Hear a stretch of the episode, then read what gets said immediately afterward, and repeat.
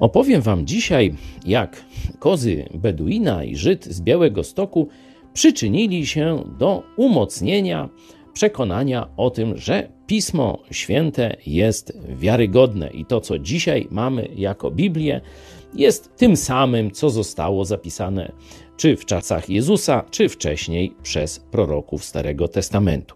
Z czasami Jezusa, z Nowym Testamentem, sprawa jest dość łatwa bo e, mamy bardzo, bardzo dużo wczesnych rękopisów, praktycznie z II wieku, czyli 100 lat najwyżej od napisania, może z niewielkim okładem, i tych wczesnych rękopisów jest już dzisiaj około 40 tysięcy. Ze Starym Testamentem był większy problem, bo najświeższy znaczy najstarszy dokładnie mm, manuskrypt mieliśmy z mm, około IX e, lub X wieku, czyli tysiąc lat wstecz, czyli świeżutki.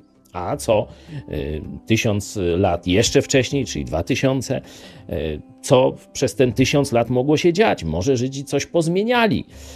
Stąd y, wielu nowoczesnych naukowców y, no, powątpiewało w dokładność Starego Testamentu, że ten tekst masorecki, Kodeks Zalepo, e, który mamy IX-X wiek, on być może odbiega od tych pism starożytnych.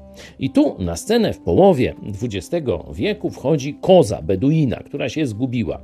Chłopak poleciał za nią, znalazł, natrafił na grotę, a tam amfory z jakimiś pismami, papirusami i tak.